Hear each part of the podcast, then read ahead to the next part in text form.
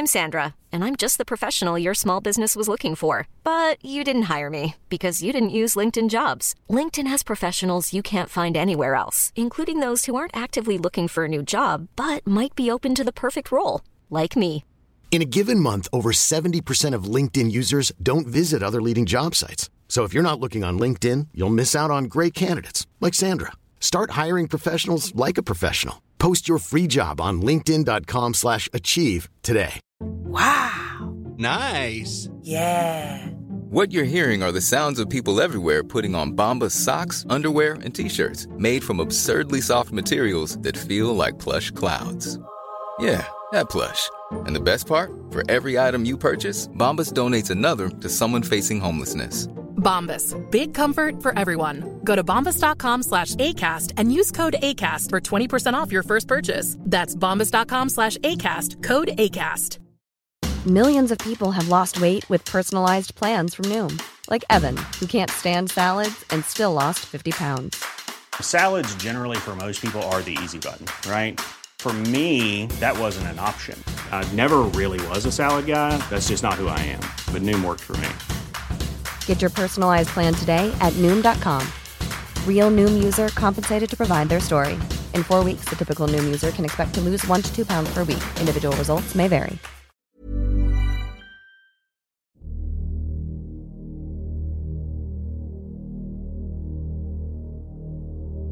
Den 24. desember i 1945 hadde ni av de ti barna til George og Jenny Sodder feiret julaften i hjemmet sitt i Fayetteville i West Virginia. I løpet av natten våknet George og Jenny til lukten av røyk og oppdaget at store deler av huset var overtent, inkludert trappen opp til loftet hvor de fem yngste barna sov.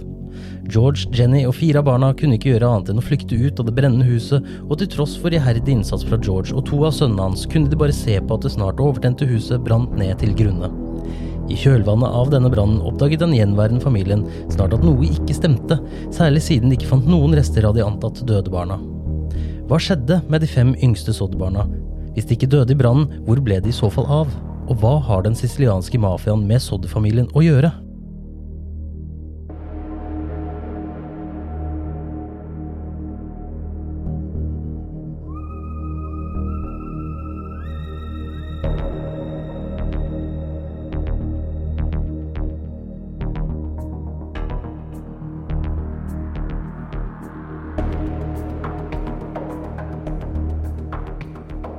Hei, jeg heter Morten, og velkommen til en ny episode av Uløste mysterier.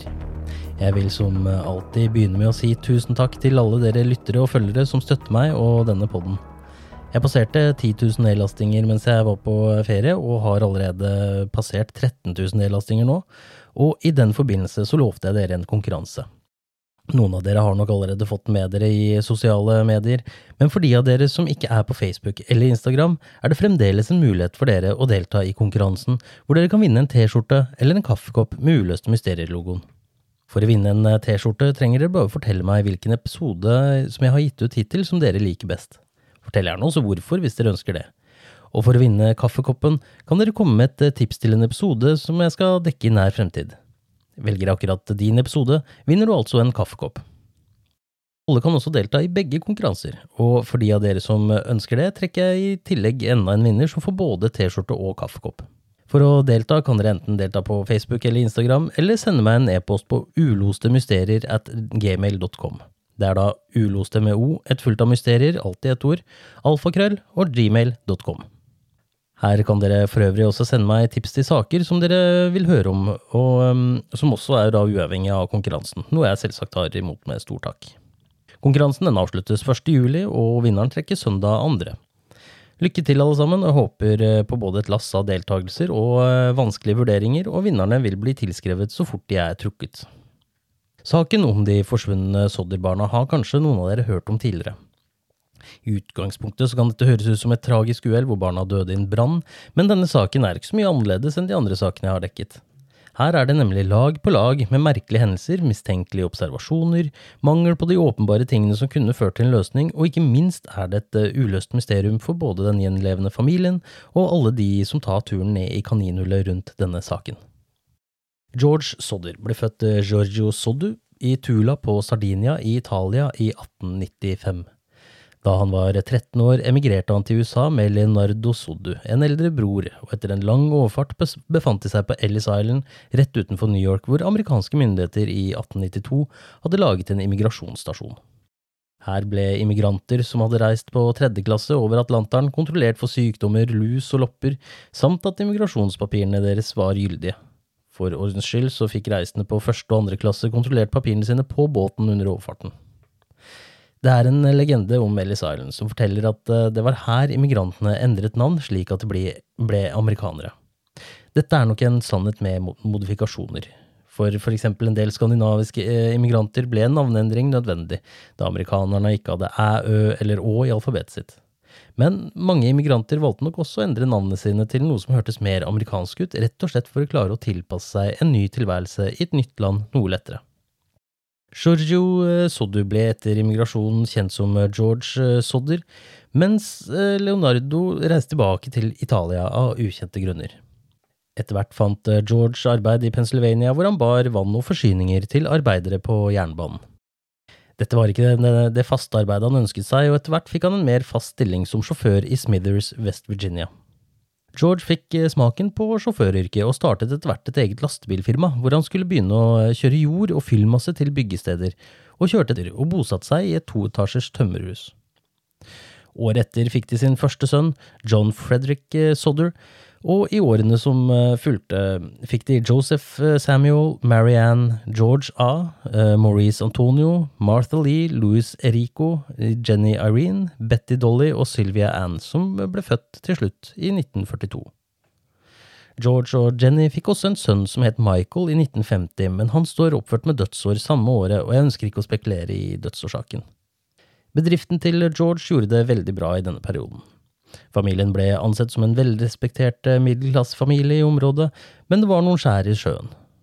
George var en mann med svært sterke meninger, og han la ingenting imellom da han uttrykte det han mente, noe som også kunne gjøre at de rundt uh, følte seg pressa ut av diskusjoner og nærmest fremmedgjort.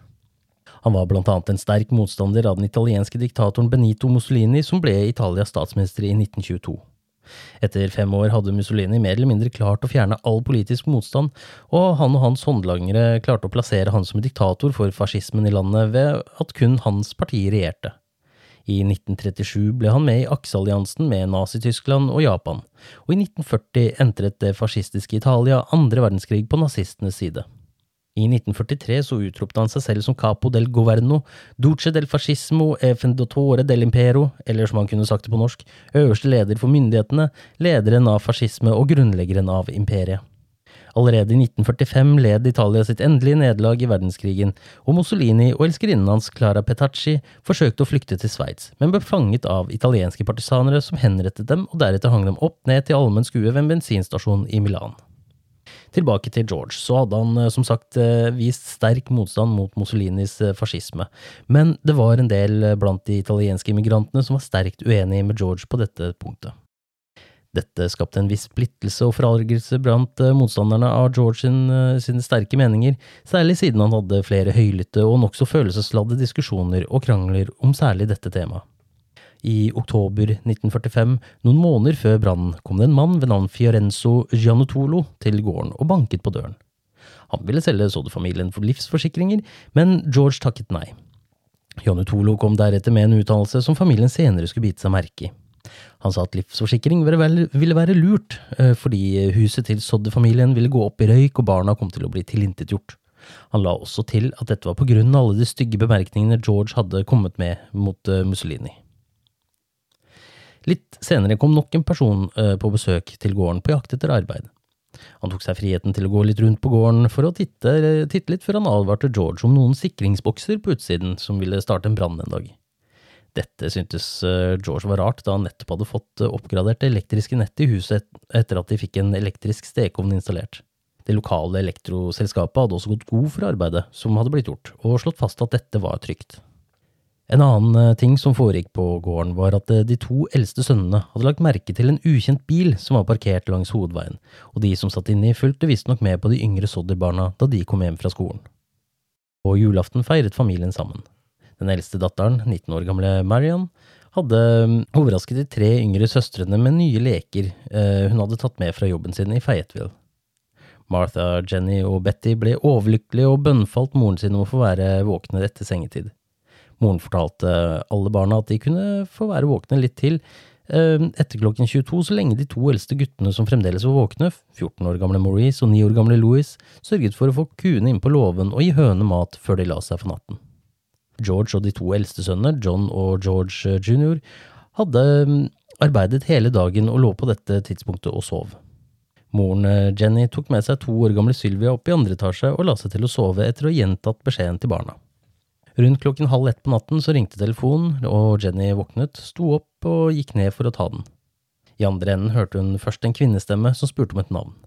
Jenny kjente ikke igjen verken stemmen eller navnet, og da hun hørte glass som klinket og latter i bakgrunnen, antok hun at eh, dette bare var feil nummer, informerte damen om dette, men som svar rett før hun la på, lo damen i andre enden på en litt rar måte. Jenny slo det fra seg og gikk for å legge seg igjen, men på veien tilbake til sengen la merke til at lysene fremdeles var på, og at gardinene ikke var trukket for, noe de eldste barna gjorde de gangene de la seg etter foreldrene. I tillegg var ytterdøren ulåst. Jenny la også merke til at uh, Marianne hadde sovnet på sofaen, men ingen andre øh, var fremdeles i stua. Hun antok dermed at barna hadde gått opp på loftet hvor de vanligvis sov, trakk for gardinene, låste døren, skrudde av lysene og gikk tilbake til sengen sin. En knapp halvtime senere våknet Jenny på nytt, denne gangen av noe som traff blikktaket med et høyt smell før det lagde en slags rullelyd. Hun hørte ikke noe mer etter dette og sovnet igjen, men enda en knapp halvtime senere våknet hun nok en gang, og denne gangen luktet hun røyk. Hun kommer seg opp av sengen og fant ut at rommet George brukte som kontor, sto i fyr og flamme. Hun erindret senere at brannen også var sentrert rundt sikringsskapet og telefonlinjen, men hun hadde ingen grunnlag for å si at det var her brannen hadde startet, da det brant ganske kraftig i hele rommet. Jenny fikk vekket George og de to eldste sønnene før de og Marianne som sov nede, i tillegg til lille Sylvia, måtte redde seg ut av det brennende hjemmet. Alle prøvde å rope til barna som sov oppe på loftet, men hørte ingenting. I ren desperasjon forsøkte George å komme seg inn i huset igjen og opp trappa, men hadde ingen sjanser til å nå barna da hele trappa nå sto i fyr. Uh, Marianne hadde forsøkt å ringe til hjelp før de flyktet ut av huset, men fant ut at linjen var død. Hun løp så til et nabohus, men her nådde de aldri operatøren i andre enden. En forbipasserende bil som hadde kjørt til nærliggende taverna for å ringe brannvesenet, men her også hadde de heller ikke fått noe svar i andre enden.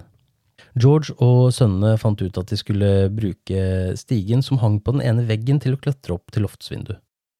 De løp rundt på den andre siden, men der stigen vanligvis pleide å henge, glimret den nå med sitt fravær. De lette frentisk rundt, men klarte ikke å finne noe sted. George prøvde i stedet å klatre opp veggen, men skar seg på armen på et knust vindu og måtte gi opp forsøket. En av guttene kom eh, på at de kunne bruke en av lastebilene til å klatre opp, eh, hvis de fikk den nærme nok husveggen. George løp bort til lastebilene sine, men klarte ikke å få start på den uansett hvor mye han prøvde. Dette til tross for at lastebilene hadde fungert nøyaktig som de skulle dagen før. I mellomtiden hadde Jenny og en av sønnene forsøkt å få vann fra en vanntønne, men vannet i denne var dypfryst. Tross iherdig forsøk på å eh, finne en annen måte å komme seg opp til barna på, kunne, de, kunne ikke familien gjøre noe annet enn å se på at huset ble fullstendig overtent før det kollapset og brant helt ned til grunne. Det tok ikke mer enn 45 minutter før huset var helt nedbrent, men brannvesenet dukket ikke opp før tidlig neste morgen. På grunn av krigen var brannvesenet sterkt svekket og var mer eller mindre basert på en frivillig ordning. Ingen av brannmannskapene i Fayetteville arbeidet som brannmenn på fast basis, og selv om brannsjefen FJ Morris fikk melding om brannen før huset hadde brent helt ned ved at naboen hadde kjørt inn til byen og vekket han, kunne ikke brannsjefen kjøre brannbilen. Han var derfor avhengig av å få tak i mer mannskap, deriblant en som kunne kjøre brannbilen, men dette skulle vise seg å ta tid. Da brannmannskapene kom frem til Soddegården rundt eh, klokken åtte på morgenen, var huset kun en haug med rykende ruiner. Brannmennene, deriblant eh, Jennys bror, kunne ikke gjøre noe annet enn å se gjennom asken som nå lå i kjelleren, men de la fort merke til en merkelig detalj.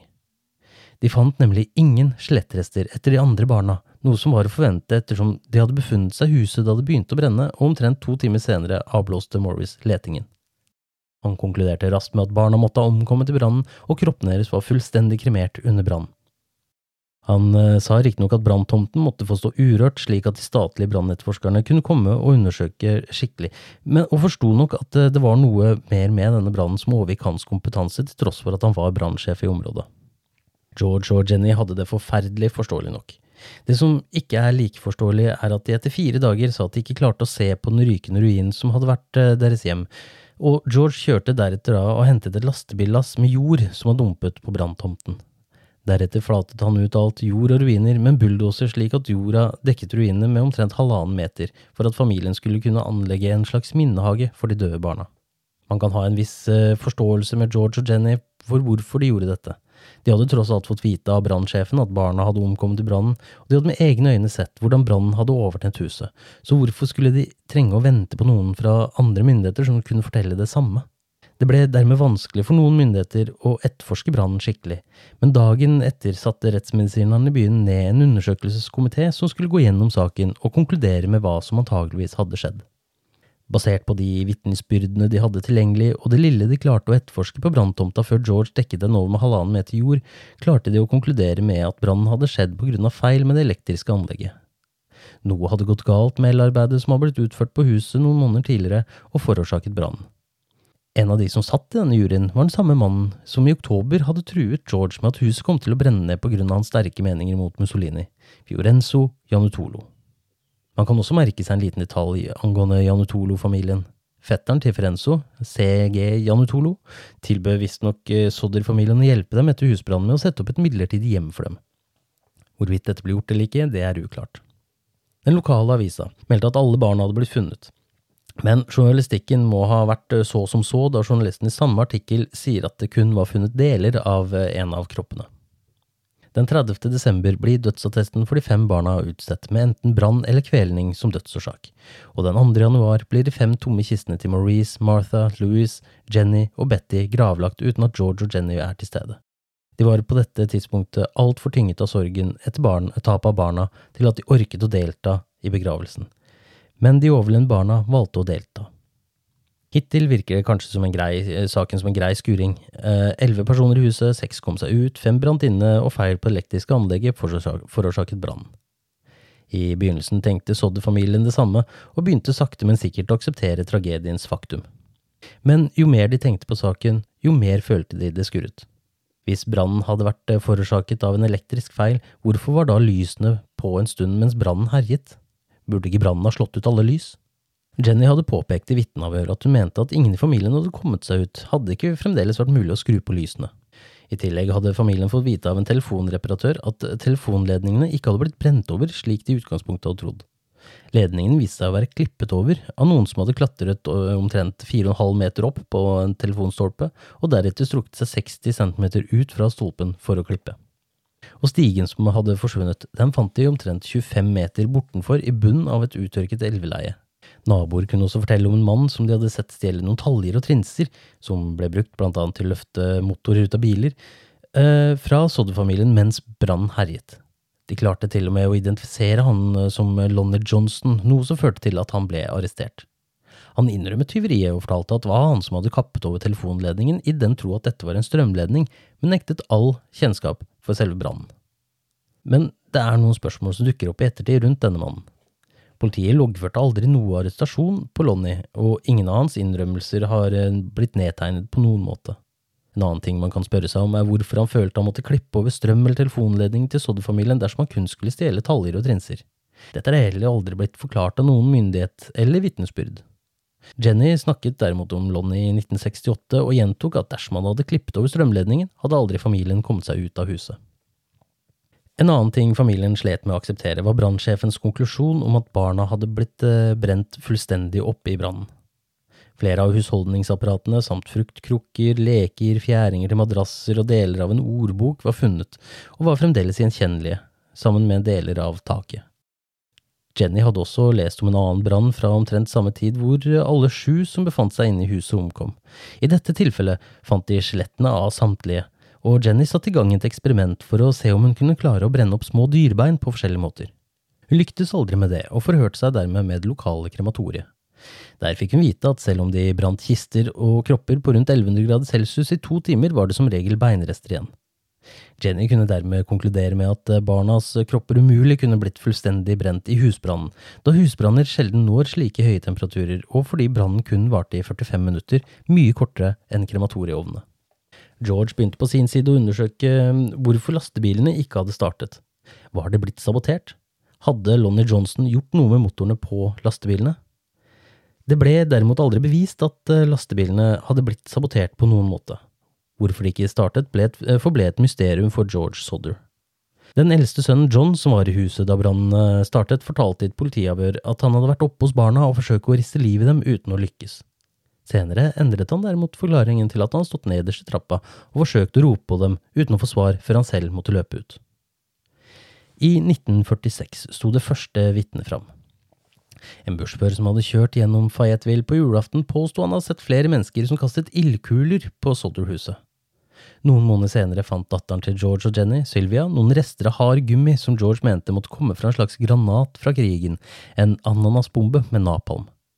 Hvorvidt dette stemte eller ikke, vet man ikke, men for Sodd-familien var dette funnet kombinert med vitnesbyrdet fra bussjåføren et endelig bevis på at brannen var påsatt. George og Jenny begynte nå for alvor å mistenke at barna slettes ikke var døde, men at eh, brannen var påsatt for å skjule noe mer skremmende. De ble etter hvert eh, sikre på at barna var eh, blitt kidnappet og bortført ut av staten, og muligens også ut av landet, nærmere bestemt til Italia. Denne teorien ble ytterligere styrket etter at et vitne sto frem og sa at hun hadde sett barna titte ut av et bilvindu idet bilen de satt i kjørte raskt fra Soddegården mens huset sto i lys lue. Noen år senere sto nok et vitne frem. En servitør sto frem og mente at hun hadde servert frokost til barna, to kvinner og to menn, alle av italiensk herkomst. Hun husket ikke den nøyaktige datoen, men mente det var rett etter julaften på en plass mellom Fayetteville og Charleston. Hun eh, hadde forsøkt å prate med dem, men da hadde en av mennene sett på henne med et fiendtlig blikk, snakket til følge på italiensk, og dermed hadde samtlige sluttet å prate med servitøren. Hun sa det føltes ut som om hun ble fryst ut av alle sammen og lot de være i fred. Noe tid senere hadde hun sett bilder av barna i avisen og skråsikker på at uh, det var i hvert fall fire av de fem barna hun hadde sett, og at bilen de kjørte hadde registreringsskilter fra Florida. Dette var sterke nok beviser for Sodde-familien på at barna fremdeles var i live, og de sendte en forespørsel til FBI om bistand. Svaret de fikk fra sjefen sjøl, J. Edgar Hoover, var at selv om han hadde sympati med foreldrene, hadde han ikke myndighet til å etterforske saken før myndighetene i Fayetteville offisielt ba om bistand.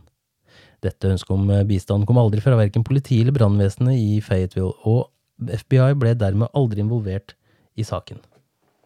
Men George og Jenny ga ikke opp.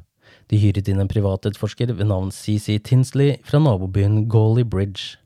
Han gikk grundig til verks og fant blant annet ut at informasjon om Fiorenzo Janutolos rolle i undersøkelseskomiteen, men også at brannsjefen, til tross for at han hadde fortalt familien at de aldri fant kroppsdeler på branntomten, hadde funnet et hjerte som han senere puttet i metallboks og begravde på tomten. Morris hadde nemlig skriftet til den lokale presten om dette her, som i sin tur bekreftet dette til George. George og Tinsley dro deretter til Morris og konfronterte han med den nye informasjonen, og Morris ledet dem i sin tur til stedet hvor han hadde gravd ned boksen. De gravde den opp og tok med innholdet til en begravelsesagent, som, etter å ha plukket litt på det som lå i boksen, bekreftet at dette ikke var et hjerte, og det var slettes ikke fra et menneske. Det de hadde kommet med, var en lever fra storfe som appåtil aldri har blitt utsatt for noe varme eller ild. Morris innrømmet senere at denne lev eh, leveren helt riktig ikke hadde kommet fra branntomten, men at han hadde gravd den ned der i håp om at Soddy-familien skulle finne den og dermed gi opp søket etter barna. Men hvorfor ville Morris gjøre det? Han var, var han innblandet i en komplott mot familien? Ifølge ham selv var det slettes ikke et komplott, men en handling basert på medfølelse for en familie i en lidelse han knapt kunne klare å forestille seg. Foreldrene fortsatte jakten etter et endelig bevis på at barna faktisk fremdeles var i live, og i august 1949 klarte George å overbevise patologen Oscar Hunter fra Washington å overvære utgravinger av branntomten. Det ble gjennomført et svært nøye søk, og utenom enkelte gjenstander og noen mynter klarte de å finne noen mindre beinfragmenter som viste seg å være deler av en ryggrad. Disse ble sendt til Marshall T. Newman, en spesialist på Smithsonian-instituttet, og ble bekreftet å være deler av en ryggrad fra samme person. På grunn av hvordan skjelettet vokser, kunne vi fastslå at personen som ryggraden en gang tilhørte, var 16–17 år, høyst 22 år gammel. Maurice, det eldste barnet som forsvant, var 14 år da brannen inntraff, og ryggvirvlene tilhørte dermed høyst sannsynligvis ingen av de forsvunne barna. Selv om utviklingen av ryggvirvlene i sjeldne tilfeller kunne tilhørt en 14-åring, ble dette avslått av Newman, som påpekte at ryggvirvlene ikke hadde blitt utsatt for ild eller varme. Men Newman sa seg også enig med Jenny og George at det var underlig at det ikke fantes noen skjelettrester etter barna siden brannen ikke varte lenger enn 45 minutter, og familiens tro på at barna fremdeles levde, ble igjen styrket. Men hvor kom disse ryggvirvlene fra? Tinsley, privatetterforskeren, han undersøkte saken videre og fant ut at jorda som George hadde hentet for å dekke over branntomten, hadde kommet fra en gammel gravplass. Det vil si, virvlene kom fra en kirkegård i nærheten av Mount Hope, men han klarte ikke å finne ut nøyaktig hvordan de havnet i jorden som George hadde hentet, da dette var fra et helt annet sted. Så dette blir en av denne sakens flere uløste mysterier. I 1950 ble saken om den potensielle bortføringen av Sodderbarna offisielt lukket av myndighetene og FBI. Samtlige høringer konkluderte med at saken var håpløs, og at det ikke fantes noe bevis for at det noen gang hadde foregått en bortføring på tvers av stater og landegrenser. Og med det skulle man tro at Sodder-familien fant fred. Men de ga aldri opp jakten. I 1952 trykket de opp løpesedler med bilder av barna og en dusør på 5000 dollar. Etter hvert satte de også opp et stort reklameskilt med barna langs veien, som gikk gjennom Fayetteville, og doblet samtidig dusøren for informasjon som kunne lede til en oppklaring. Dette ledet til at eh, familien fikk flere tips, og George fulgte opp alle sammen. En kvinne i St. Louis påsto at Martha var et kloster i byen. I Texas påsto en eh, bartender at han hadde overhørt to personer som inkriminerte seg selv i brannen av gården. George fikk også høre at en slektning av Jenny i Florida hadde fem barn som lignet på Sodderbarna, og slektningen måtte bevise at de faktisk var hans barn før George og Jenny slo seg til ro. Ingen av de andre tipsene ledet til noe oppklaring av saken, men i 1967 kom det tips som gjorde George urolig og full av tvil helt til dagen han døde. En kvinne skrev til familien og fortalte at en mann hadde avslørt eh, til henne at han var Louis Sodder etter en fuktig kveld på byen.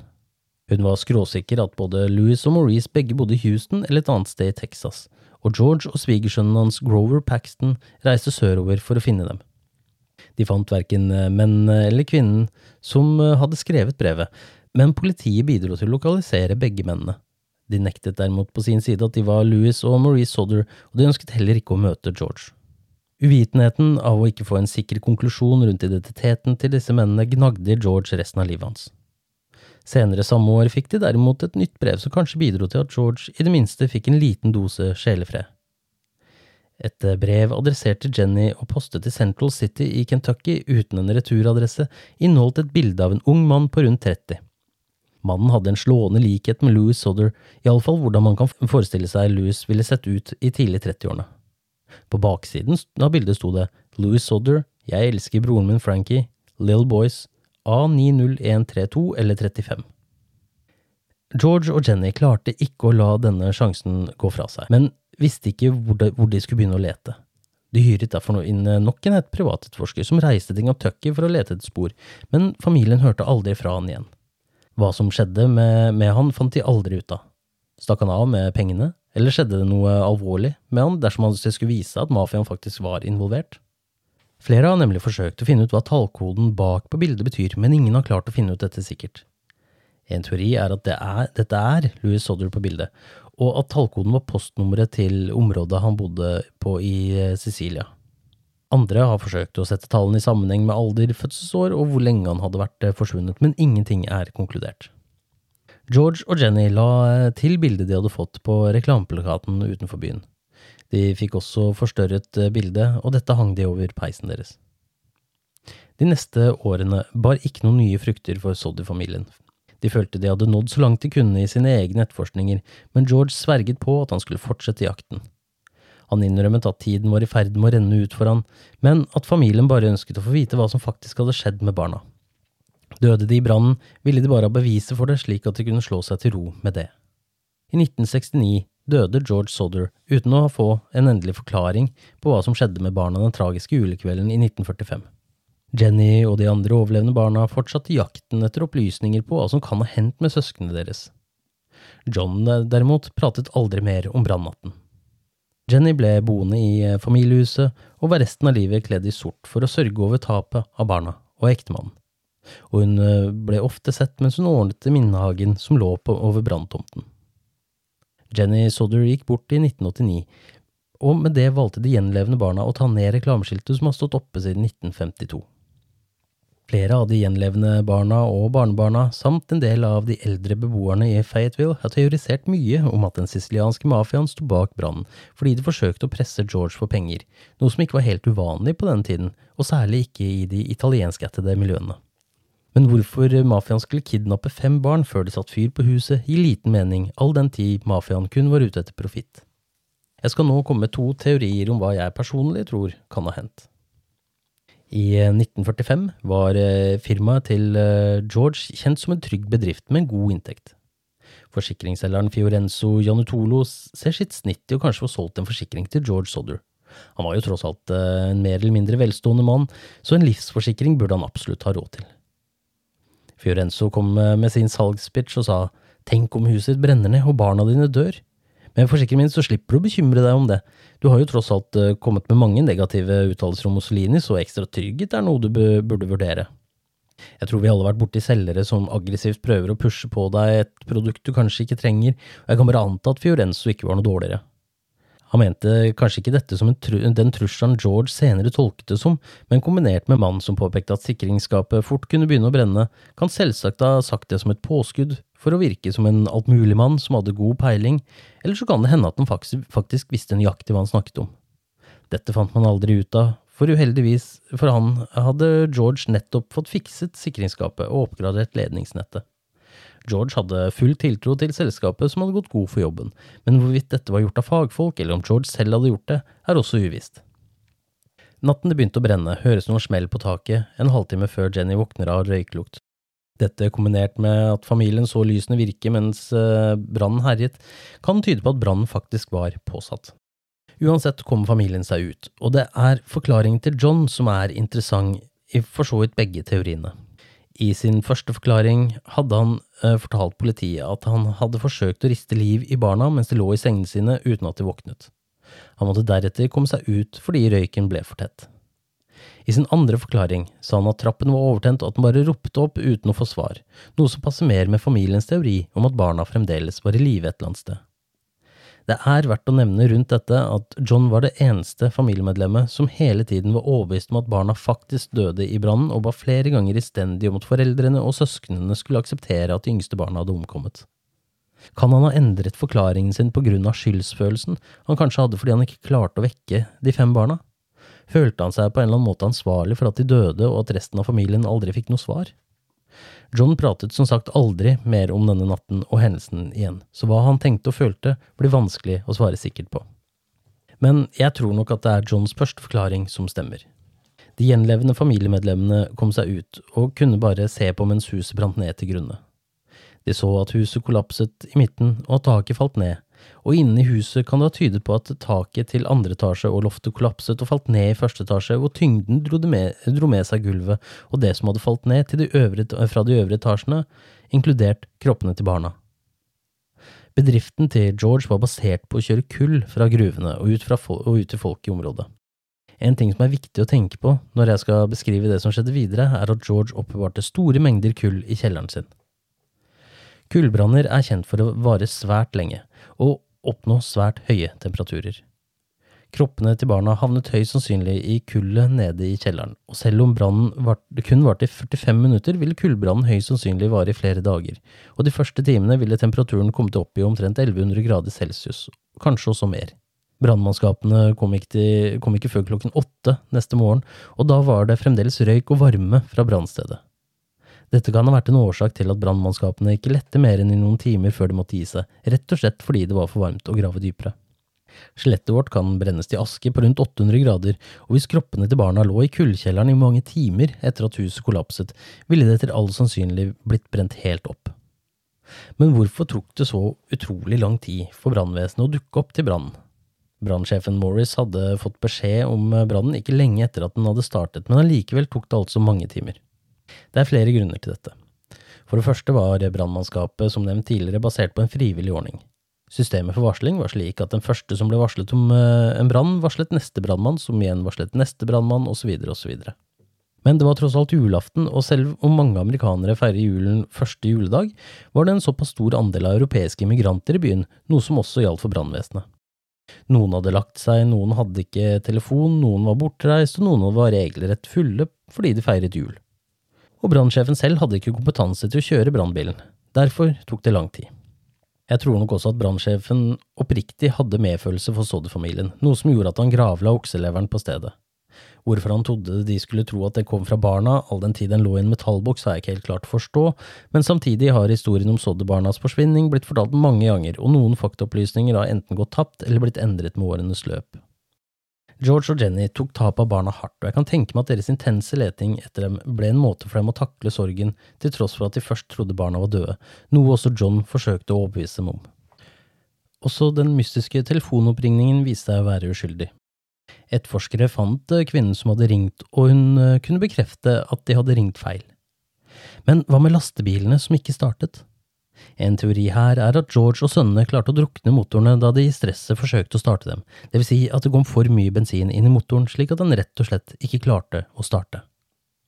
Men det er fremdeles teorien om at barna faktisk ble bortført. I denne saken er det mange som spør seg selv hva om, og det med god grunn. Hva om Fiorenzo faktisk forsnakket seg i en opphetet diskusjon med George Sodder og avslørte hva som var i vente? Og hva om det faktisk var Johns andre forklaring om at han ropte opp til de andre barna uten å få svar fordi barna ikke lenger var i huset?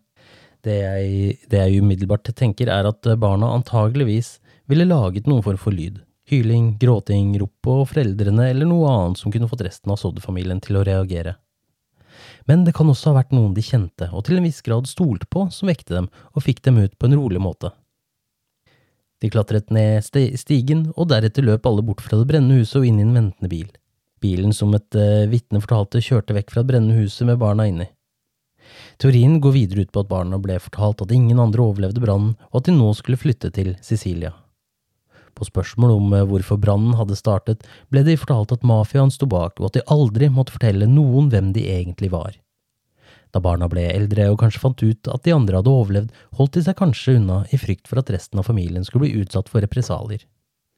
Men samtidig var det også noen som ønsket å gi familien en viss ro og sendte et bilde av en voksen Louis Sodder i håp om at eh, dette kanskje ville gjøre at familien ga opp jakten etter barnas skjebne.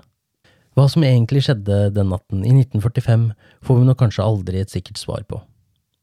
Sylvia Sodder Paxton, den yngste av søsknene som overlevde brannen, døde 21. april 2021 uten å få et endelig svar på søsknenes skjebne. Hennes tidligste minne var fra nettopp denne natten, hvor hun husket hvordan alle gråt, ropte og hylte, og hvordan farens arm blødde kraftig etter å ha blitt skåret opp på et knust vindu da han desperat forsøkte å klatre opp til rommet hvor de andre barna sov. Sylvia og George satt oppe mange sene kvelder og pratet om hva som hadde skjedd, og hun levde i sorgen helt til hun flyttet ut hjemmefra. Sylvia engasjerte seg ofte online, blant annet på nettsider og forum basert på internettetterforskere, også kalt websleuths. Men nå er det datteren hennes, Jenny Paxton Henthorne, som forfølger saken videre, etter et løfte hun ga til besteforeldrene sine om å aldri slippe tråden i håp om å en gang få et svar. De to ledende teoriene er uansett at Maurice på 14, Martha Lee på 12, Louis på 10, Jenny Irene på 8 og Betty Dolly på 6 enten døde i brannen av røykinhalasjon eller ble bortført av enten den sicilianske mafiaen som hevn mot George Sodder, eller av noen i området som visste hva som kom til å skje denne natten, men ønsket å redde de yngste barna. Hva tror dere er den mest plausible teorien? Har dere noen eh, andre tanker om hva som kan ha skjedd som jeg ikke har eh, tatt opp her? Kommenter gjerne under bildet til saken i sosiale medier, og følg meg også gjerne på Facebook og Instagram, men også der hvor dere hører på podkast. Takk for at dere har lyttet til denne episoden. Vi høres.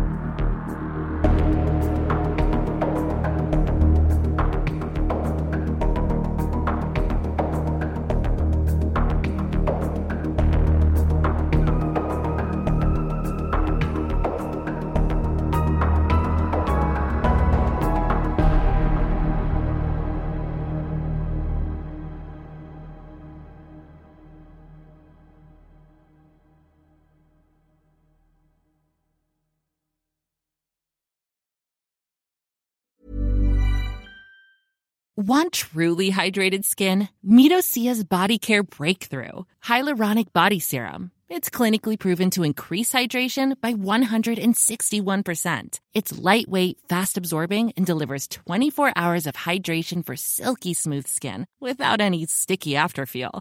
Treat your skin to clean vegan skincare from Osea. Get 10% off your first order with code SUMMER at OseaMalibu.com. That's O S E A Malibu.com code SUMMER.